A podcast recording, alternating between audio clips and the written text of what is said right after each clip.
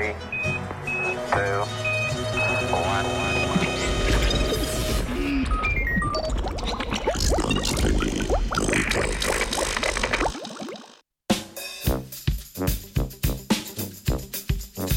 Dobro jutro, danes imamo zmenek s plenilcem.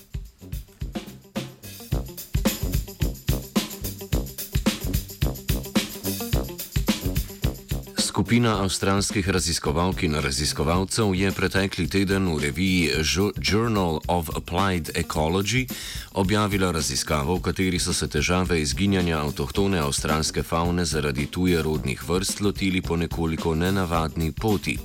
Želeli so preizkusiti, ali kontrolirana prisotnost plenilcev, v tem primeru potepuških domačih mačk, pospeši razvoj protiplenilskih lastnosti pri domorodni vrsti Macrotis lagotis in s tem poveča možnosti njenega preživetja v naravi.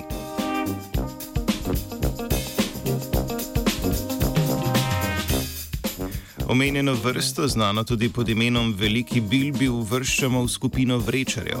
Najverjetneje bi vse, ki nam je avstralska fauna precej tuja, spominjala na srednje velikega glodavca s koničastim smrčkom, zajčimi ušesi ter dolgim repom. Te vse jede živali so bile nekoč razširjene po večjem delu Avstralije, še posebej v sušnih in polsušnih delih tega kontinenta, danes pa veljajo za ogroženo vrsto, predvsem zaradi izgube habitata ter plenjenja strani tuje rodnih vrst, kot sta domača mačka in lisica.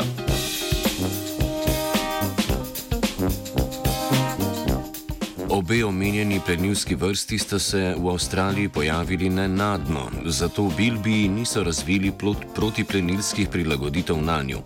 V grobem to pomeni, da na mačke in lisice ne gledajo kot na neposredno grožnjo in tako za njo v Bilbiji predstavljajo lahek plen.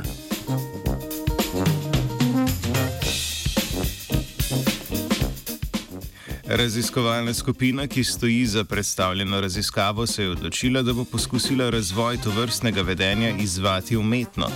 Skupino Bilbijev so zaprli v ogrado s stalnim številom mačk, kjer so ostali dve leti. Prav tako so v sosednji ogradi bivali Bilbiji brez prisotnosti plenilca. V zaključni fazi poskusa so po 21 Bilbijev iz vsake ograde upremili s telemetričnimi ovratnicami in jih spustili v tretjo ogrado, kjer števila mačk niso omejevali.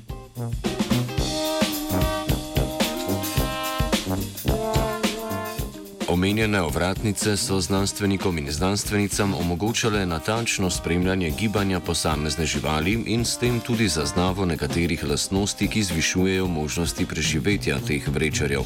Prav tako so lahko ugotovili, kateri izmed 42 bilbijev je postal plen domače mačke.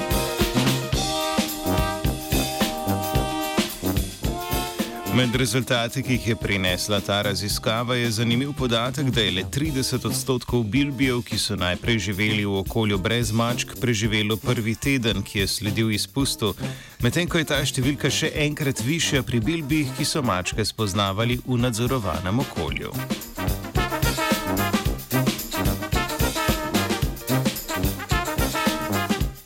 Na nove plenice se je privajal Gregor.